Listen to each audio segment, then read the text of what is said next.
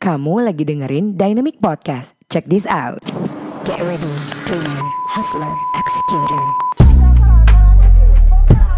Thank you for listening to Dynamic Podcast. I'm your host Dayang Melati, founder dan juga CEO dari Dynamic Indonesia, sebuah marketing dan branding agency yang membantu para pengusaha, organisasi, hingga personality untuk berkomunikasi lebih baik agar bisa mencuri hati sehingga dapat melakukan transaksi dengan penuh percaya diri. Nah, sebentar lagi kamu akan mendengarkan cerita yang penuh kisi-kisi pelajaran dari seorang pemimpi menuju pejuang yang penuh dengan aksi. Agar segala keinginan gak hanya ke bawah mimpi. This is your Dynamic Podcast. Jangan ke bawah mimpi doang. Here we go. Halo semuanya, welcome back. This is Dynamic Ngopi.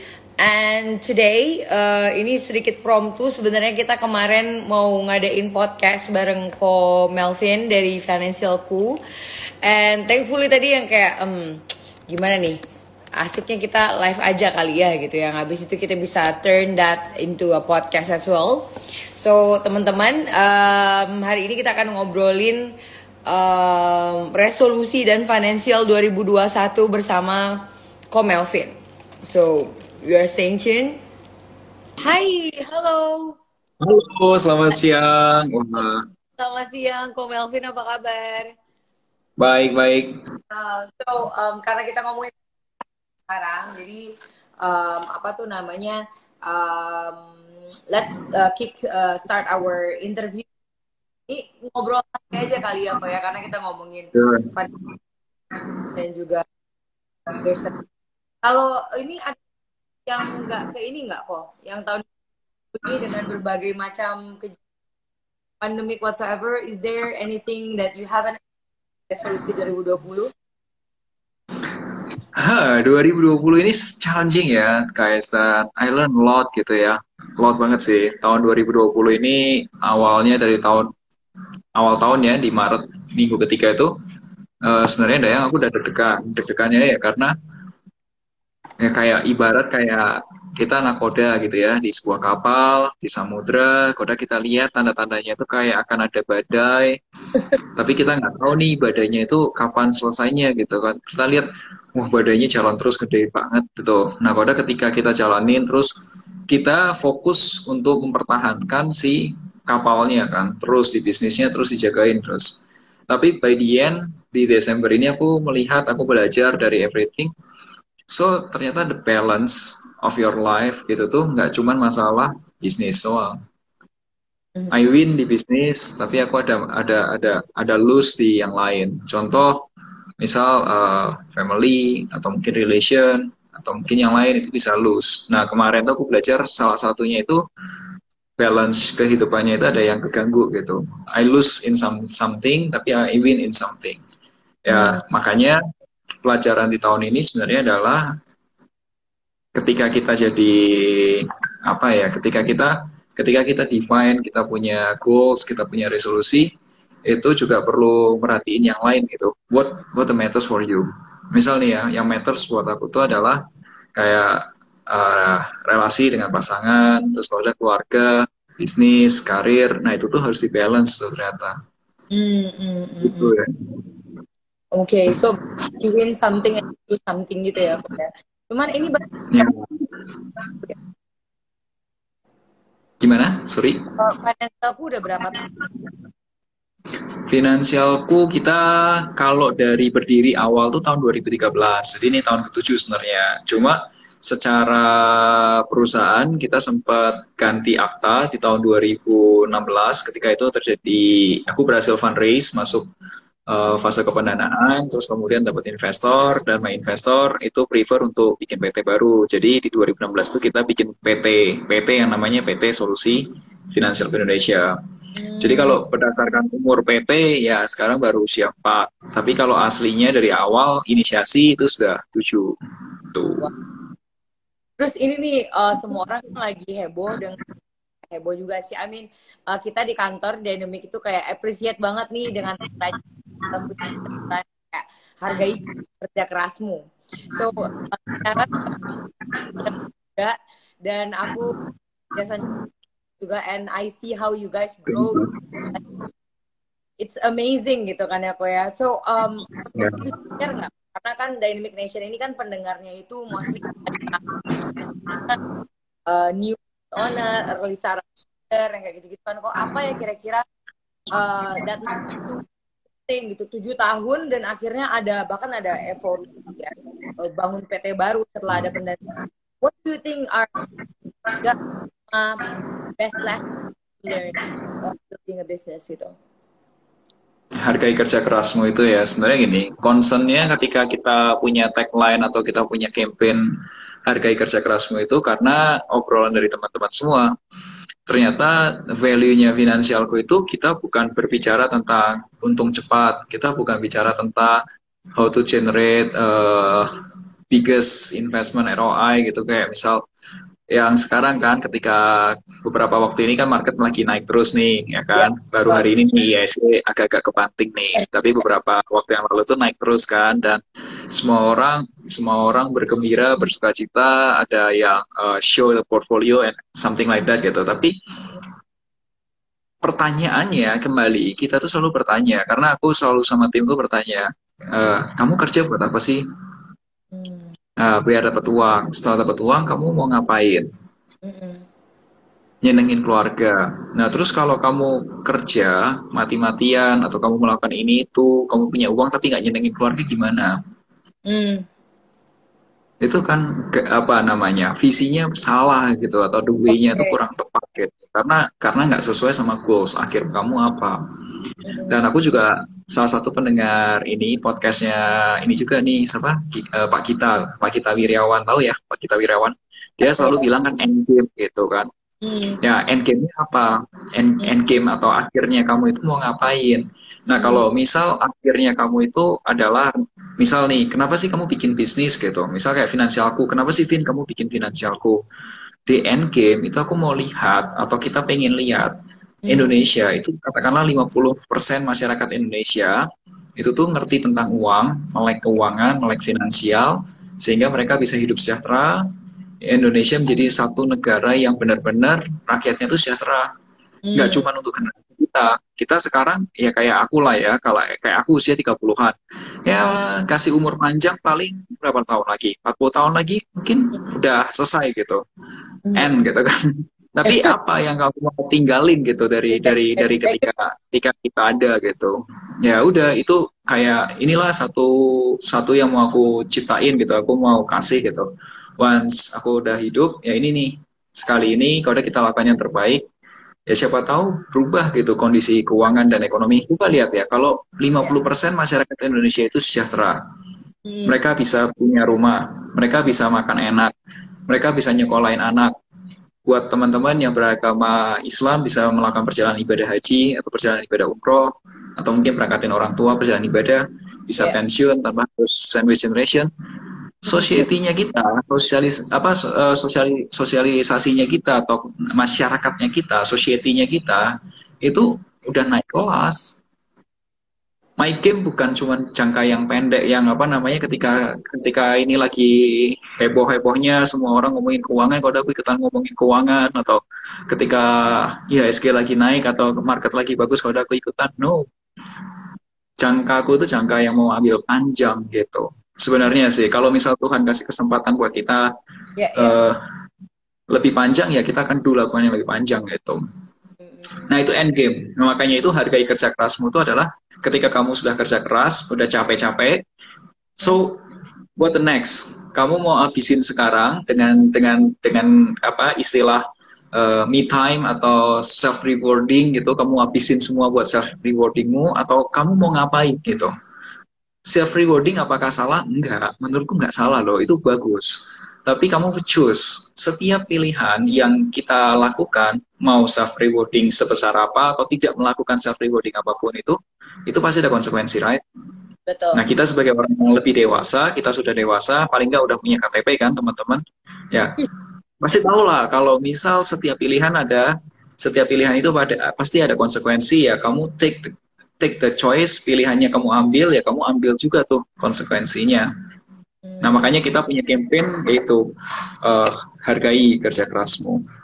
Oke. So kalau kita tadi um, nyentuh-nyentuh uh, resolusi sebenarnya kalau Melvin bilang ya so dalam hidup tuh ya Mbok Yo punya end game gitu ya aku ya kayak final destination apa kan istilahnya dan, dan itu aku setuju banget sih kok itu cuman kan kalau seandainya kalau kita relate lagi nih kok ya kayak orang ya kebanyakan sekarang umur 23, 24, 25 hmm. or probably early 30s lah. So dalam pikiran mereka ya ya game gitu kan. Gue aja masih bingung nih goals gue tahun depan kayak gitu terus tuh udah ngomong gimana sih? Kayak kok gimana tuh atau Oke, jadi gini sih, aku nggak nggak menyalahkan orang yang mungkin belum belum masuk ke fase itu ya, karena gini sih. Uh, jadi aku pun juga mempelajari hal-hal ini gara-gara aku adalah orang yang curious. Hmm. Aku orang yang pengen tahu gitu, kayak pokoknya maksimal gitu, memang. Ya. Oke. Jadi aku sering tanya sama hmm. teman-teman atau orang-orang yang aku sudah anggap lebih sukses gitu ya. Uh, apa sih rahasia suksesmu? Suatu saat aku juga pernah di lapangan ketemu sama teman main, om-om yang lebih senior. Uh, mereka hmm. udah bos-bos, udah usia 70 tahun ke atas. Yeah. Nah, aku tanya sama mereka, Kak Om, apa rahasia suksesnya si Om gitu? Kok hmm. uh, aku tahu Om ini aslinya aslinya pendatang, dulunya benar-benar nggak ada uang gitu kan. Nah, terus tapi kok kok sekarang bisa bisa punya pabrik teh, terus kalau sudah punya banyak orang, karyawan dan lain sebagainya. Nah itu gimana sih? Nah terus kalau saya belajar sama si Om, terus kalau saya ada juga belajar sama apa namanya tante-tante yang yang kerja keras banget, start dari bisnisnya dari nol, uh, akhirnya bisa jadi gede banget, kalau udah dia punya kos-kosan banyak banget dan lain sebagainya, itu aku tanya kenapa sih, kenapa sih, dan basically mereka punya satu tujuan akhir. Hmm. Mereka punya satu tujuan yang dikejar, bukan untuk menjadi kaya. Mm -mm. Gitu. Dan makanya itu uh, kalau misal Dayang dan teman-teman lihat, the way-nya kita ngomong itu bukan orang yang mau nakut-nakutin, bukan hmm. orang yang mau share. Ya, betul. Karena? Karena apa? Karena itu value. Uh, kita agak sulit gitu ketika berlawanan dengan value-nya kita gitu. The way-nya kita manusia modern itu kalau ngajar anak, contoh ya mungkin uh, Mbak Dayang atau teman-teman ada yang punya anak kan. Kalau punya anak zaman dulu nih ya, eh hmm. kalau kamu makan nasi gak habis nanti uh, Pak Tani menangis atau nanti ada ada setan gitu kan takutin gitu yeah, yeah. is ya zaman dulu mungkin bekerja jalan gitu tapi zaman modern ini kalau misal cara yang sama nasihat yang sama diomongin ke anak-anaknya kita doesn't work malah banyak pertanyaan doesn't work dan itu tidak membuat orang sadar why-nya kenapa kenapa tidak boleh gitu nah tapi karena manusia menjadi lebih lebih lebih bisa berpikir, maksudnya lebih modern gitu ketika berpikir. Nah, kedua, kalau misal mau sombong, ya, uh, Madayang ya. Iya. Kalau mau sombong gitu, kalau buat aku, kalau misal kamu memang beneran mau sombong, sombongmu sekalian yang sombong sekalian, jangan tanggung. Kalau mau sombong, sombong sekalian. Kenapa? Gimana tuh maksudnya? Sombong-sombong sekalian. Okay sekalian yang sombong, sekalian kalau mau pamer pamer sekalian. Contoh ya, uh. Uh, 18 tahun yang lalu uh. ada ada anak, bukan anak sih, ada orang usia 31 tahun. Uh-huh. Tahun ini tahun 2020 aku tahu usia 31. 18 tahun lalu ada orang usia 31 tahun di suatu negara pengen uh-huh. jalan-jalan ke Mars Kalau mau sombong, sombong sekalian tuh. Hmm. Sekalian, duitnya gede sekalian tuh. Mau jalan-jalan, jalan-jalan ke Mars. Hmm. Orang itu kerja keras, cari pendanaan sana-sini, akhirnya punya SpaceX. Elon Musk. Elon Musk. Oh, aku merinding ngomongnya. Oke. Okay. ya. Itu satu orang. Satu lagi, mau kasih tahu yang sombong lagi, lebih sombong lagi. Bisa. Hah. 30 atau 40 tahun, berarti 30 tahun lalu mungkin ya. Aku lupa angka persisnya itu ada anak muda. Mm-hmm. Sekolah aja nggak lulus kan. Mm-hmm. Terus tapi dia bisa memberikan satu uh, apa ya warisan kepada dunia, mengubah manusia bekerja, cara manusia bekerja dirubah. Dia punya uang banyak banget, akhirnya dia bisa uh, membiayai buat orang untuk berobat AIDS, untuk bisa apa penelitian AIDS, orang-orang miskin dikasih makan, ya yang jumlahnya orang-orang miskin itu kok dijumlah. Ya kalau ada yang pamer satu mobil Ferrari hmm. uang yang dia pamerin buat ngasih makan satu satu satu negara Afrika yang miskin itu itu lebih dari satu Ferrari pastinya. Dia nggak ya. perlu dia nggak perlu media sosial media untuk pamerin. Karena apa? CNBC pamerin. CNN pamerin. Semua media-media besar pamerin dia. Dia Bill Gates oh wow ya. Yeah. uh inside the Bill, uh, uh, Gates mind ya Bill Gates mind. Ya ya ya ya ya. Oke oke oke. Ya kalau mau pamer sekalian pamer. Kalau mau sombong sekalian sombong. Kalau yang kagok nyombongnya pasti di tempatnya sosial media.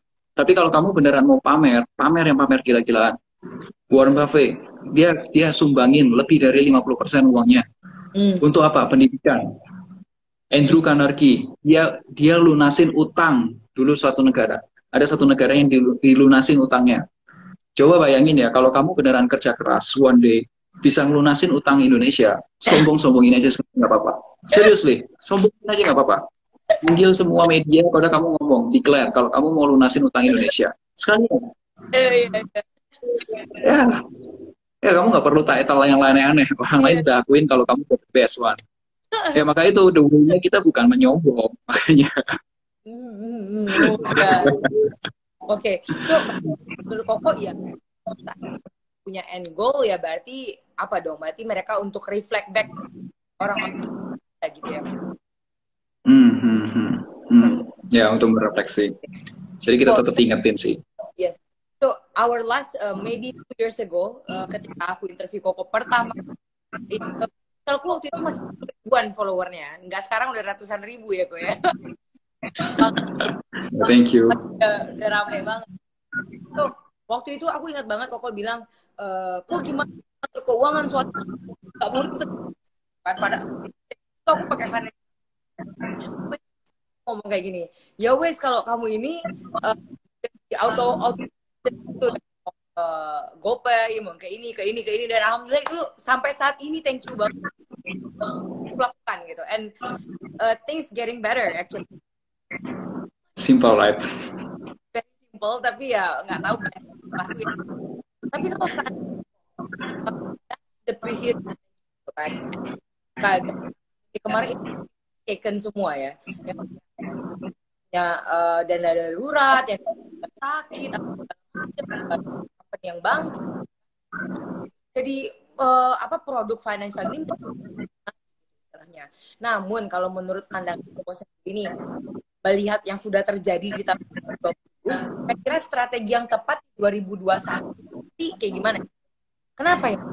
Kata-kata Ya, tadi itu suara kamu patah-patah tadi. Nah, uh, ya tadi sempat putus-putus gitu di tengah-tengah. But it's okay.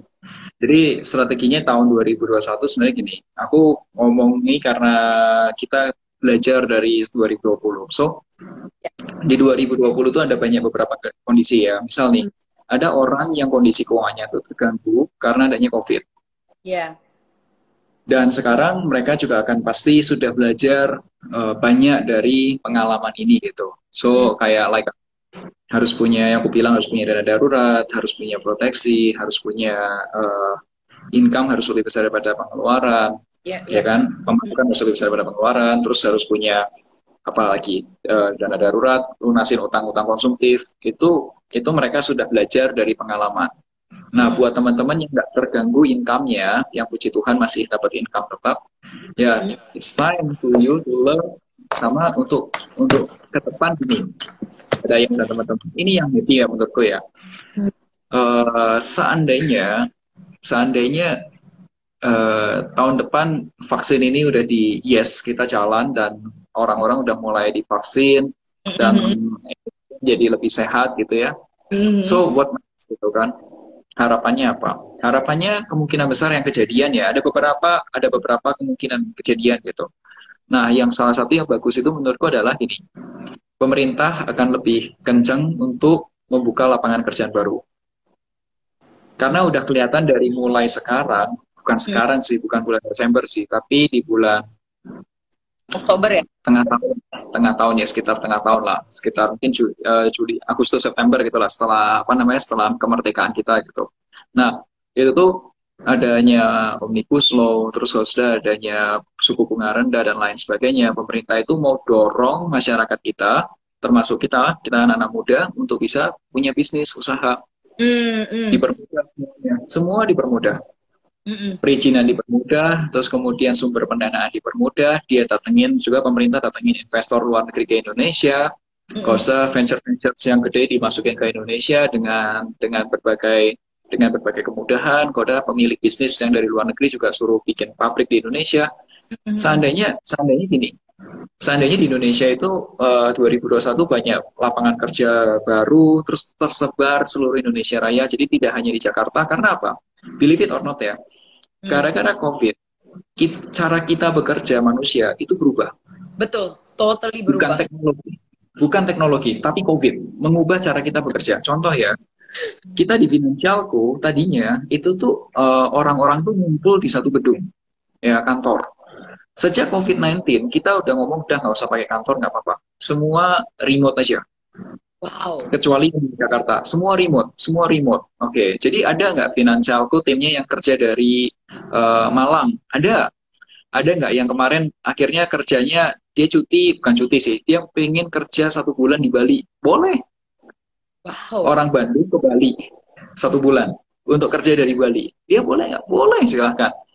So uh, ternyata ternyata remote working itu juga works. Ya kadang-kadang memang kita mungkin sekali tempo ketemu ya, mungkin dalam waktu satu bulan kita ada ketemu sekali gitu. Sampai kemarin rapat kerja pun semua uh, berapa orang? 70-an orang semua di Zoom bisa tiga hari itu ya. Zoom.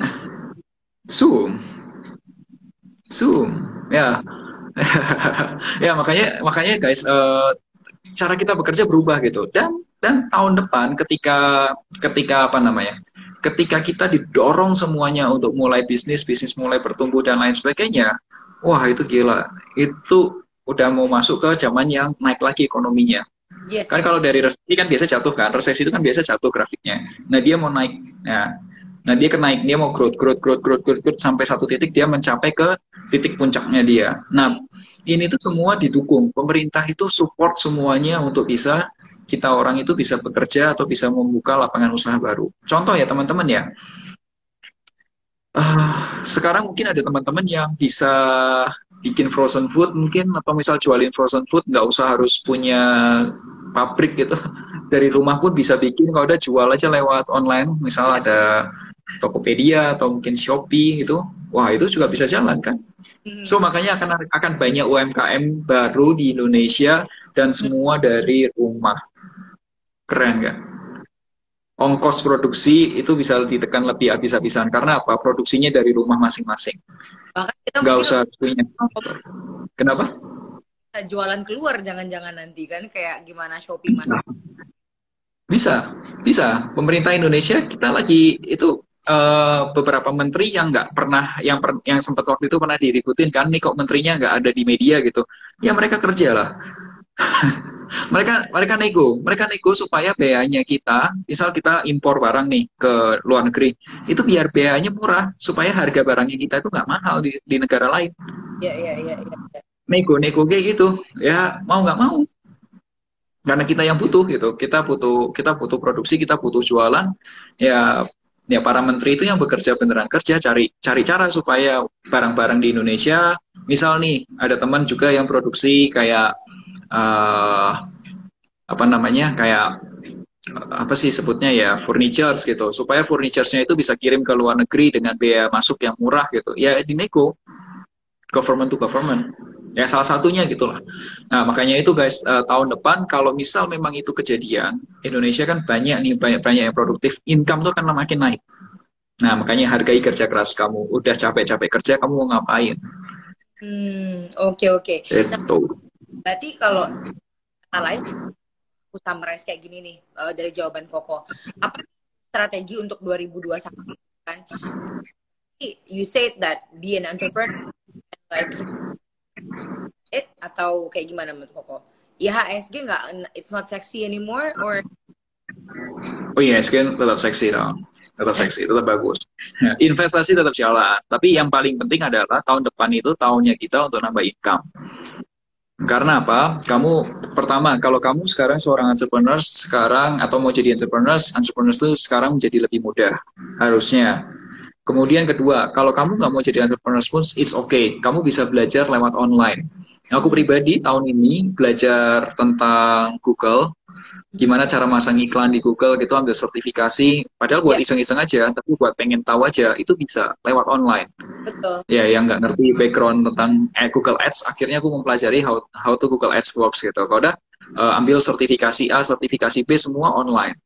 Nah kemudian uh, yang ketiga apa? Investasi. Investasi trading. Kalau kamu misal mau trading boleh aja nggak apa-apa. Once kamu memang bisa ngerti caranya kamu bisa punya skillnya punya knowledge-nya ya kamu bisa dapat uang dari situ. It's okay no problem. Kembali lagi ya the way-nya kita berpikir di finansialku tuh kayak gini. Semua pilihan yang kamu ambil itu nggak ada benar nggak ada salah. Hmm. yang yang ada adalah setiap pilihan punya konsekuensi. Kalau kamu take apa, pilihan A, maka kamu juga akan terima tuh konsekuensinya untuk yang A. Kalau kamu pilih yang B, kamu terima tuh konsekuensinya B. Maksudnya gini, di 2021 kamu bisa masuk kerja, misal masih hmm. tetap kamu tetap seperti orang yang lama biasa-biasa aja, hmm. let it flow, let it flow. Hmm. Tapi di sisi lain ada juga orang-orang yang ambil pilihan untuk cepetan, untuk growing cepet gitu. Hmm. Nah, masing-masing punya pilihan dan nggak ada benar, nggak ada salah. Tapi kalau one day ternyata yang ambil yang ambil kesempatan itu mulai growing dan cepat banget growingnya, pertumbuhannya berkali-kali lipat, hmm. jangan ngatain dia, karena itu konsekuensinya. Konsekuensinya konsekuensinya capek, tapi di sisi balik kecapean ya pasti ada sesuatu yang bisa sukses. Nah kalau kamu sekarang lagi santai-santai, ya itu konsekuensi kamu. Kamunya santai-santai sekarang, tapi ke depannya belum tentu bisa santai-santai. Itu terserah kamu gitu. Wow. Be wise guys. That's very powerful of your consequences ya istilah istilahnya ya kok ya. So uh, yeah. racing ini juga nah kalau nge-reflect back kayak gitu kan uh, kita, kita lihat resolusi kita oke okay, some uh, some skill gitu kan karena supaya income-mu juga lebih naik gitu. Tadi koko kayak, kayak ini si Vanessa itu aktif sekali ya bunda. Kalau menurut Koko nih apa skill-skill kira-kira top 5 lah atau top 3 yang benar-benar pelajari 2021? Hmm, kalau aku selalu akan berpikir gini ya, skills ya. Kalau ini sih pelajaran pelajaran yang pernah bukan yang pernah ya, sedang aku pelajarin juga sih. Dan ini perjalanan hidup ya. Karena aku bikin di YouTube tuh ada yang namanya calm gitu. Calm tuh communication, mm-hmm. leadership, and money management. Communication, yeah. calm. Nah, communication, communication, leadership, money management. Nah, okay. Calm. Nah, communication itu communication tuh kayak gini. Ketika ketika kita menjadi seorang pribadi atau mungkin kalau aku konteksnya entrepreneurs gitu ya. Yeah. Pertama, kita mau cari apa mau cari teman teman bisnis kita butuh berkomunikasi kita butuh nego. Cari klien pertama supaya orang mau follow Instagram datang ke website beli produk itu juga butuh komunikasi. Ya ya benar. Kan komunikasi is important. Kemudian kita cari investor itu juga perlu ngobrol perlu nego perlu macam-macam. Apalagi kalau kamu udah nonton drama Korea kamu tahu kan itu semua full komunikasi. Terus apa lagi ketika kita re re rekrut orang, kita punya tim gitu, udah dapat uang dari investor, kita mau gedein tim, kita mau rekrut, kita juga perlu komunikasi. Ya, everything butuh komunikasi, termasuk kamu di rumah pun juga butuh komunikasi, hmm. gitu. Nah, itu itu penting satu. Kedua, leadership. Gimana leadership itu tuh adalah gini. Ini ini agak sulit. Leadership itu banyak definisinya. Mm-hmm. Devi, um, maksudnya definisinya banyak itu gini. Ada ahli yang mengatakan bahwa seorang leader itu adalah orang yang memberikan contoh. Ada ada ahli yang mengatakan bahwa seorang leader itu adalah orang yang bisa uh, memimpin. Tapi hmm. buat aku leader leader itu adalah orang yang bisa menjadikan orang lain orang. Susah nggak ya kalimatnya? Seseorang yang bisa menjadikan orang lain itu bisa jadi orang sukses gitu. Itu leader. Wow. Oke. Okay. Misalnya, untuk menjadikan seseorang itu bisa sukses, bisa tumbuh dewasa, bisa bisa uh, memahami the way, apa the, the way berpikir itu, itu itu emang agak sulit. Jadi kayak kayak ketika kita ngobrol, ketika aku ngobrol sama timku, aku nggak mungkin langsung uh, uh, langsung apa ya perintah A, perintah B, itu nggak bisa. Aku aku sudah mulai membiasakan, aku punya concern, aku punya concern titik-titik. Menurutmu solusinya apa? Hmm. Nah, gitu. Kalau misal ada orang yang datang ke tempat aku, uh, kasih tahu masalahnya dia, aku juga tanya, menurutmu solusi apa yang mungkin bisa kita lakuin? Nah, ada apa yang bisa aku bantu? Contoh nih ya, uh, ada yang case yang paling dekat kemarin. Okay. Itu uh, Instagramnya Financial itu kemarin masih delapan ribu tuh tiga hari atau empat tiga hari yang lalu mau salah ya. Aku DM timku kan yang sosial media. Hmm. Uh, aku tanya cak, nih dua sembilan delapan ribu nih uh, kagok nih tutup tahun tiga ratus ribu lah gimana caranya apa yang bisa aku bantu nah terus kalau dia bilang ya udah uh, share share aja gitu oke aku bantu share deh nah dibantu share share kalau ke teman-teman juga dikasih tahu internal ayo kamu yuk kejar kejar eh kejar sekarang tiga ratus ribu hmm. amazing Cukup. Ya, tapi the way the way-nya kita bekerja caranya itu adalah kayak gitu gitu. Kita support satu sama lain gitu, bukan bukan saling serang di dalamnya gitu. Kalau internalnya udah menang lebih enak gitu. Kalau misal ke eksternal gitu, biasanya ya. Itu leader. Udah gimana caranya orang yang nggak ngerti sama sekali, contoh nih ya, ada orang yang takut jualan gitu. Orang takut takut banget jualan gitu, dan dia nggak suka jualan gitu. Tapi akhirnya akhirnya ketika kita ajak ngobrol tentang jualan, ternyata dia akhirnya suka jualan gitu. Beneran suka jualan gitu.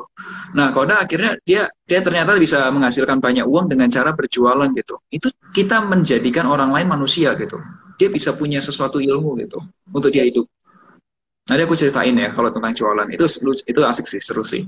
Dan yang terakhir gini, ketika kita ketika kita jago komunikasi, kemudian kita uh, bisa menjadikan orang lain jadi lebih sukses, uang itu pasti datang. Hmm. Believe me, believe me. Kalau kamu jago komunikasi, kamu bisa menjadikan orang lain lebih sukses. Uang itu datang ke kamu. Mm. Gitu. Ya. Nah, ketika uang itu udah datang ke kamu, gimana caranya kamu jagain atau kamu bisa menumbuhkan uang tersebut? Mm. Ya, kalau misal kamu udah dapat uang banyak, tapi yeah. uangnya itu nggak bisa kamu kelola dengan baik, ya percuma aja. Betul. ya kan? ya, itulah. Aku pengen tanya deh kok sebelum hmm. kan terus aku bilang kok aku pengen dalam setahun uh, apa aku M aku bilang kayak gitu kan uh, terus bisa apa ngasilin satu M satu M. Iya kan? Abis itu kode ini bilang kayak gini oh ya we uh, ya udah kalau kayak gitu kamu tapi ber kamu siap dirimu orang yang tidak cuman kalau menurut hmm. uh, menurut kok kayak gimana gitu. Aku like uh, dan belajar gitu kan mempersiapkan. Karena kan kalau saya ini oh kok Melvin ngomongin kita harus uang ya aku nggak ada uang yang mau di manage masalahnya menurut kamu Oke, oke. Jadi kayak gitu. Oke, aku aku tahu, aku tahu konsepnya tuh. Hmm. Ya, anyway, aku memang juga se apa namanya? Ya, kita kita aku sama Ko dan Denny Santoso kita pernah ngobrol dan itu ternyata frekuensinya sama gitu. waktu waktu itu kita pernah satu event ya kan, maksudnya satu event datang ke satu event sebagai sebagai sebagai peserta aja gitu. Kita ngobrol berdua, tapi jadinya yang nonton banyak banget gitu di di di ruang tunggu gitu karena kita ngobrolin rame banget gitu. Ya, frekuensinya sama gitu. Dan mikirnya mikirnya mikirnya pas dalam-dalam semua gitu. Nah, aku setuju. Kalau memang kamu pengen jadi seorang yang bisa punya uang 1 M, ya memang cara berpikirnya kita didesain untuk menjadi orang yang bisa 1 M. Kenapa? Contoh gini ya. Ini logika paling sederhana. Kenapa itu benar? Contoh gini. Suatu ketika aku pernah event ya dipanggil event. Waktu itu yang datang ngisi senior-senior semua. Aku yang paling kecil atau yang paling muda di situ.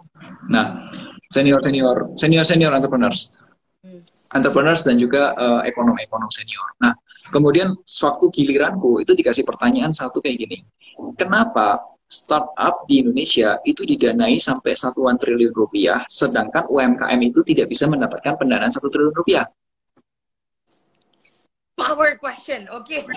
What is your answer? Pertanyaannya sulit. Iya, pertanyaannya aku mikir, aduh, ini ini kenapa nggak ditanyain ke seniorku aja gitu loh?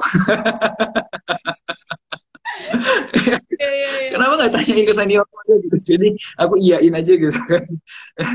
ya udah aku berpikir aku diem sih. Aku mikir ya apa ya? Aku akhirnya cuma pikir satu sih. Keingetan sama uh, my mentor gitu. Mentorku ada pernah bilang kan. Coba pernah bilang gini. Gini. Basically investor ketika invest di sebuah perusahaan dia berharap untung. Itu itu uh, logic things. Nah kalau investor invest di startup dia ngitung dong berapa peluangnya dia berhasil dan berapa peluangnya itu gagal. Katakanlah dikasih uang satu T ke bisnis kopi. Nah, akhirnya jadinya uh, kopi-kopi yang kekinian itu, ya kan? Yang yang pendanaannya gede-gede. Nah, tapi kalau sekarang bisnis kopimu didanain satu T, kamu mau pakai buat apa?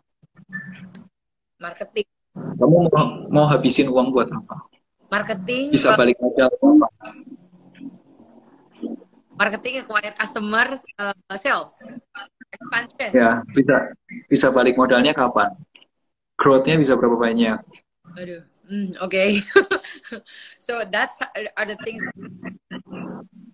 ya karena karena gini bukan masalah UMKM atau startupnya tapi kamu sebagai pemilik bisnisnya kalau dikasih uang segitu kamu bisa ngabisin nggak? Kamu bisa balikin lagi nggak Nah, itu yang dimaksud sama kode ini. Kalau kamu pengen bisa punya uang 1M, cara berpikirmu harus ditarik supaya bisa menghasilkan 1M-nya itu. Nanti kamu punya, tarik gitu. Hmm. Kebayang kan ya? Yeah, Gimana yeah. caranya kita supaya dapat pendanaan? Kenapa kayak aku belum pendanaan itu belum satu T gitu? Karena aku belum bisa ngabisin uang satu T. Nah, supaya aku bisa ngabisin uang itu dengan wise, maksudnya menghabiskan itu artinya ya aku memutarkan uang sebesar itu, ya makanya aku harus upgrade ilmu, upgrade pengalaman dan lain sebagainya gimana caranya berpikir untuk menjadi uh, eh, CEO yang lebih matang lagi gitu. Nah, itu yang aku pelajari. Itu itu mak maksudnya. Nah, kalau sudah, kalau misal uangnya belum ada, ya dicari uangnya, di-create. Nah, uh, khusus ya di tahun 2020 ini memang aku punya satu online course itu namanya Income Breakthrough. Itu gimana caranya untuk menghasilkan income. Dan itu bisa diakses gratis. Nah, gratis silakan aja diakses itu di link in my bio apa uh, my link in bio itu ada tentang income income breakthrough kamu akses aja gratis dan tahun depan ini uh, salah satu yang kita akan mau kasih juga ke teman-teman semua tuh kita kita di aplikasi finansialku tuh sedang siapin satu satu bagian yang buat teman-teman kalau misal teman-teman memang mau niat belajar dan lain sebagainya mau tahu tentang keuangan untuk masing-masing ada yang untuk tinggal rumah tangga atau mungkin buat uh, mungkin di sini ada yang TNI Polri atau mungkin ya. ada juga yang PNS atau masih mahasiswa ibu rumah tangga dan lain sebagainya itu sudah kami siapkan ya mungkin tahun depan itu sudah bukan mungkin sih. Tahun depan itu sudah pasti ada karena kita sudah udah aku udah lihat produksinya udah beberapa sudah jadi itu tinggal di up aja. Nah itu itu itu satu nanti buat teman-teman tahun depan tuh. Upskill. Ketika skillnya nambah caranya kita melihat uang itu berbeda. Hmm. Nah tadi kok ngomongin masalah ini related banget resolusi. Orang-orang yang ada di sini punya resolusi. Wah lebih banyak pendapatan. Itu orang income-nya kan dan tadi kok ayo tarik gitu. Apa sih tarik mindset tuh be yang akan gini ya itu banyak belajar sih sebenarnya. Bukan aku juga nggak nggak ngerti belum tahu semuanya. Aku juga lagi discovering everything gitu. Ya salah satunya sih biasanya aku lakuin itu adalah aku banyak baca orang-orang yang sudah di sana biasanya ya orang-orang yang sudah di posisi situ tuh punya banyak orang yang ngulas bukunya contoh ya ada Elon Musk ada bukunya Terus kalau ada ada bukunya uh, Bill Gates, sampai ada ada videonya juga kan. Kalau kamu lihat di Discovery ya, HBO ya, Discovery gitu atau apa itu ada ada penjelasannya tentang Bill Gates. Di Netflix ada Inside uh, Brain apa Inside Brain ya. Yeah. Ya. Nah itu caranya dia lihat kalau kemudian aku juga paling suka adalah lihat dari perusahaan-perusahaan yang sudah gede ada di bursa efek itu CEO-nya itu gimana sih caranya ngambil keputusan ini keputusan itu gitu. Oke. Oke, oke. Karena mereka lebih matang. Mereka lebih matang. Nah, kalau kita belajar aja nih ke, ke orang-orang yang lebih wise, yang lebih matang gitu. Karena kita akan naik, jadi naik, naik, naik, naik gitu. Oke. Dan jangan terlalu banyak ngurusin hal-hal kecil. Ah. Something Contoh ya, hal-hal kecil tuh kayak gini. Misal nih, eh di Instagram ada yang hina kamu gitu. Kalau kamu ribut sama orang itu, ah itu lepasin aja lah, udahlah. Udahlah, nggak nggak nggak perlu gitu, nggak perlu kamu urusin gitu. Fokus aja sama tujuanmu apa, visimu apa gitu. Kalau udah ada yang eh, mau ngata-ngatain kamu ini itu ya udah lepasin aja, udah buang aja hal-hal kecil gitu. Kalau udah kalau yang segala sesuatu yang nggak perlu kamu komen, yang membuat itu keributan, udah nggak usah komen. Contoh ya, contoh nih, sebenarnya sebenarnya kemarin tuh aku pengen banget komen yang waktu kasus tentang eh, korupsi bansos. Itu aku pengen komen, tapi ah udahlah eh, nanti ganggu ya udah fokus aja gitu. Jadi fokus aja aku nggak usah ngurusin yang begituan itu. Ya, yang penting udah ya aku tahu sih memang kata orang ada yang bilang Indonesia itu keku- bukannya kekurangan orang pintar, Indonesia itu kekurangan orang yang mau berbicara ya kan. tapi tapi ya, ya, tapi Iya. Ya, kalau kalau aku berbicara pun aku nggak bisa kasih solusi masalahnya. Ya jadi ya udahlah. Eh, aku cari so- kasih solusi yang lain aja. Aku bicara yang lain aja gitu. Nggak bicara yang itu gitu. Nah, everything lah. Jadi aku nggak nggak komenin semua hal, tapi aku fokus di yang apa yang aku bisa lakukan the best ya di situ aja gitu. Fokus. Yes, yes. Kayaknya itu kan cara koko tadi bilang, oke, you need to see people yang oh, udah di sana, patternnya, pelajari. Menarik. Em, jadi sebenarnya aku yang juga kayak itu ada dan eh, kemarin kan Sorry mbak, putus-putus mbak, Dayang, suaramu. ambil gitu gitu. Kalau tadi masih kedengaran, sekarang udah nggak kedengaran. at all sekarang gimana? Ah ya, tadi nggak kedengaran sama sekali soalnya. Oke. Ah, Oke, so uh, basically kalau menurutku, karena masih banyak yang pemula uh, investasi saham yang kayak gitunya banget, Nah, gitu. Uh, kalau apa sih rekomendasi untuk 2021 gitu? Do, do think that we should go invest more into maaf Itu yang asumsi ya, se- segini sih. ya, ini sudut pandangku dan bisa jadi teman-teman berbeda pendapat ya, berarti oke. Kalau buat aku itu adalah ketika kita mau mempelajari segala sesuatu yang baru, termasuk itu investasi saham dan lain sebagainya, kamu nggak perlu buru-buru. Ya, aku tahu sih manusia itu ada panasnya. Contoh panas adalah gini. Wah, lihat di Instagram ada si A pamer portofolio udah positif sekian, uangnya berapa 100 juta, berapa M, terus terus di YouTube ada yang ngegas gitu kan, kok udah langsung kayak, waduh panas nih, panas nih, takut nih kalau ketinggalan momennya atau paling bego gitu ya. But it's okay, but it's okay. Menurutku itu wajar. Ya, eh, segala sesuatu tuh menurutku ada waktunya. Jadi yang perlu kita pelajarin itu adalah kita belajar sabar. Tenang aja guys, saham itu tuh ada waktunya. Ada ada ada aja gitu. Maksudnya ya kalau kamu miss the moment, it's okay. Itu adalah bagian konsekuensi yang kamu terima sekarang karena dulu kamu nggak belajar. It's okay. Tapi kamu udah tahu sekarang dan kamu mau belajar, tunggu konsekuensinya yang akan datang. Kamu juga akan menghasilkan keuntungan itu. Hmm. Kebayang nggak? Iya, iya. Karena kamu sekarang sadar, kamu mulai start, kamu mulai belajar, kamu mulai coba, tunggu, kasih waktu untuk untuk dirimu belajar, kasih waktu dirimu untuk bekerja, dan nanti tiba saatnya kamu punya waktu untuk membuktikan bahwa kamu udah sukses. Gak usah buru-buru, tenang aja. Tenang aja, kalau misal sekarang belum bisa setinggi itu, it's okay. It's okay, it's okay. Itu bukan itu bukan sesuatu kesalahan, sesuatu bukan yang buruk dan lain sebagainya gitu. Meskipun aku ngajarin, aku misal aku punya grup belajar saham gitu, aku buka kelas saham gitu. Tapi aku aku sendiri pun bukan orang yang tipikal yang uh, rush untuk investment. Ayo, come on, come on, come on, buru, buru, buru, buru, buru gitu. Yes, I I also need sales. Aku butuh penjualan, tapi aku nggak butuh butuh nggak nggak begitu juga caranya gitu. Maksudnya Hmm. Bukan bukan harus buru-buru gitu guys. Kamu ada waktunya kok. Tenang aja. Orang itu tuh pasti ada masa belajarnya kok. semua guru-guru yang sekarang pamer gitu di Instagram atau yang kasih lihat di Instagram atau mungkin share hasilnya dia, pencapaiannya dia, hmm. ya itu sudah kerja, sudah belajar, mungkin dari 3 sampai 5 tahun yang sebelumnya. Mereka sudah kerja di lima tahun sebelumnya. Jadi kalau mereka sukses di sekarang, itu adalah waktunya mereka sukses. Hmm. Nah kalau sekarang kamu belum mulai dan pengen sukses di waktu yang sama, ya hmm. sulit ya yang kamu perlu lakuin ya sekarang kalau kalau kamu mau belajar saham dan lain sebagainya startnya adalah pertama ya buka akun itu penting karena kamu belajar investasi saham bukan belajar teori investasi saham itu beda. Kedua kedua kamu mulai belajar kamu beli saham pertama kamu. Apa pun itu saham yang kamu kenal yang kamu deket aja yang kamu biasa tiap hari lihat gitu kamu beli satu kamu rasain. Dan yang ketiga mulai belajar satu persatu belajar aja pelan-pelan gitu. Satu-satu aja satu-satu satu-satu nanti enjoy nanti one day kamu bisa bisa mendapatkan hasilnya. Hmm. ya.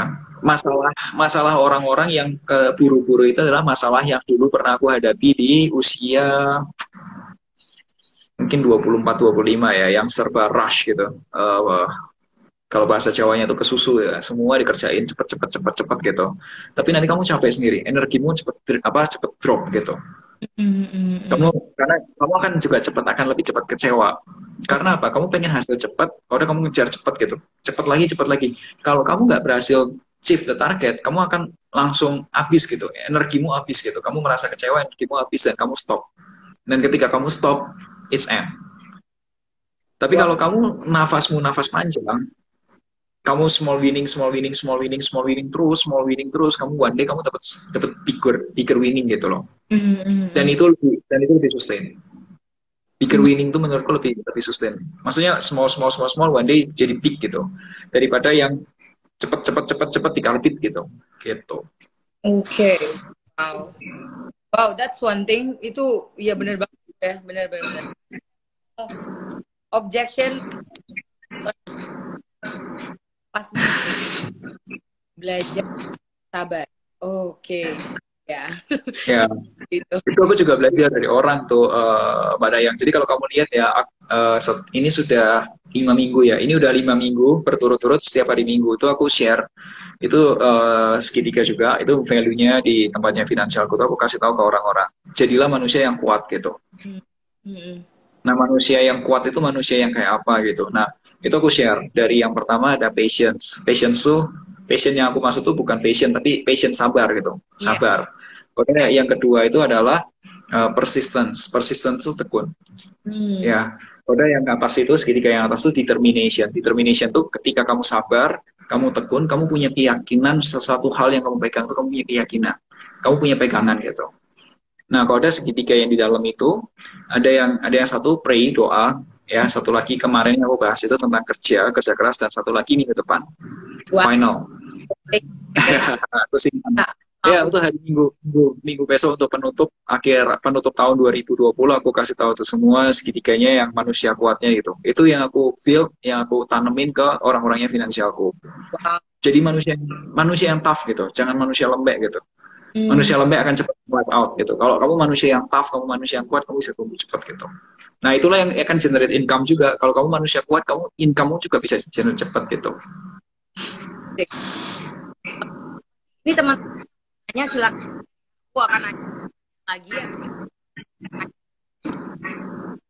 Udah stay tune tadi, udah berpuluh-puluh orang nih. Silakan ditanya sambil nunggu dengan begitu apiknya nih seorang Om Melvin Mumpuni gitu kan and I see how you grow ya kayak from two years now oh humble gitu yang kayak akhirnya tuh kayak yang orang kok sangat humble sekali gitu istilahnya. How do you actually uh, what do you apa ya kira habit suksesnya kok apa kira-kira? Bisa apa ya aku juga nggak tahu sih apa yang menyebabkan itu bisa seperti itu ya tapi uh, yang aku paling suka adalah aku tuh suka dengerin feedback orang dan aku nggak ada masalah dengan say sorry untuk untuk berubah untuk berubah itu aku bisa berusaha gitu jadi di di, di tahun-tahunnya sejak tahun lalu mungkin ya ketika usia udah ke 30 itu aku belajar tentang yang namanya itu beradaptasi hmm. kemampuan manusia untuk beradaptasi. Jadi apa pun kondisinya karena gini teman-teman ya ini kalau kamu entrepreneur mungkin kamu bisa relate kamu bisa apa merasakan juga ya. Ketika kamu start dari dari sendirian itu itu kamu memperlakukan dirimu seperti apa? Kerjamu gimana? Etos kerjamu seperti apa? Nah once kamu punya dapat investor kamu punya pendanaan kamu punya tim kerja cara kerjamu pasti berbeda ya kan? Nah, ketika timmu yang lebih gede, lebih gede, kamu gimana? Nah, one day kayak kemarin ya di tahun 30, di usia 30-an tuh, uh, ketika perusahaannya udah lebih gede kayak gitu, lebih dari yang aku bayangin gitu ya, awal-awal, kayak udah 50 orang, 60 orang, 70 orang gitu. Kenapa kamu harus sukses? Itu berbeda, uh, Dayang. Berbeda banget sama seperti aku dulu, kenapa aku harus sukses. Sekarang kalau aku tanya, kenapa kenapa ini harus tetap dipertahankan, tetap harus kerja keras, tetap harus uh, punya achievement tinggi gitu. Kenapa? Karena sekarang udah ada 70 orang yang hidup di dari finansialku.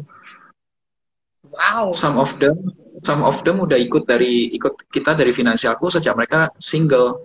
Aku datang ke pernikahannya mereka, wow. salaman sama papi maminya, ada yang papi maminya doain supaya Pak Melvin cepetan nikah sampai ada beberapa yang punya anak. Iya loh, aku datang ke pernikahan ke pernikahan uh, timku, ada ada yang orang tuanya doain supaya Pak Melvinnya cepat nikah gitu. Ya, terus kalau udah kita punya dampak juga udah mulai suara udah mulai gede kan. Maksudnya maksudnya gimana? Ketika kita bisa kasih tahu sesuatu yang counter gitu, misal semua lagi panas di satu hal gitu, kita punya suara yang cukup cukup didengar untuk bisa counter sekarang yang kepanikan gitu. Itu kan juga membuat sesuatu yang baik. Dan ketika semua orang itu misal kayak uh, Northwest terburu-buru dalam satu hal atau apa pun itu yang kita rasa itu tidak sesuai sama value-nya kita, kita masih tetap stand out bisa ngomong value-nya kita apa gitu kayak barusan aku bilang nggak usah buru-buru guys, tenang aja ada waktunya gitu. Ya, yang lain pasti akan bicara ini waktunya, kalau nggak kamu lakukan pasti akan terlambat, pasti ada gitu. Tapi kita punya suara yang cukup gede dan dan dan kembali end gameku tuh apa? End gameku kan pengennya supaya lebih banyak kan yang yang yang bisa sejahtera gitu. Gitu sih. Ya, ya, ya. Eh dapat Nugroho selamat siang Pak. Wah. Ini teman juga. Oh teman lama juga ya kok ya. Anyway. Um, yeah. I, um, ikut uh, sebentar lagi nih Instagram untuk live-nya. Uh, bagusnya sih kok. Oh iya. daripada nanti kita ini mendadak gitu kan ya. So what closing statement strategi 2021 kok? Oke, okay, teman-teman, apa pun kondisi keuangan kamu sekarang ini di tahun 2020 Desember, lakukan dulu yang namanya cek kondisi keuangan kamu supaya kamu tahu sekarang ini sudah sehat atau masih ada yang kurang sehat. Nah, kalau kamu kurang sehat, kamu mulai perbaikin satu persatu. Ya, kalau udah untuk memasuki 2021, ya kamu review lagi goalsmu apa, rencanamu mau menikah, mau beli rumah dan lain sebagainya. Udah kamu cek ulang lagi apa yang sudah kamu punya, investasi kamu, income kamu dan lain sebagainya. Mulai di planning mumpung masih bulan Desember. Nah, kemudian tahun 2000 fresh start, mulai awal yang baru, badainya udah kelewat, kita udah mulai punya harapan baru. Kita kita cepetan kejar. Tahun 2020 kita step back nggak apa-apa, tahun 2021 kita forward, moving forward, jalan lagi, gas lagi. Dan seperti biasa, make a plan and get your financial dreams come yeah. through.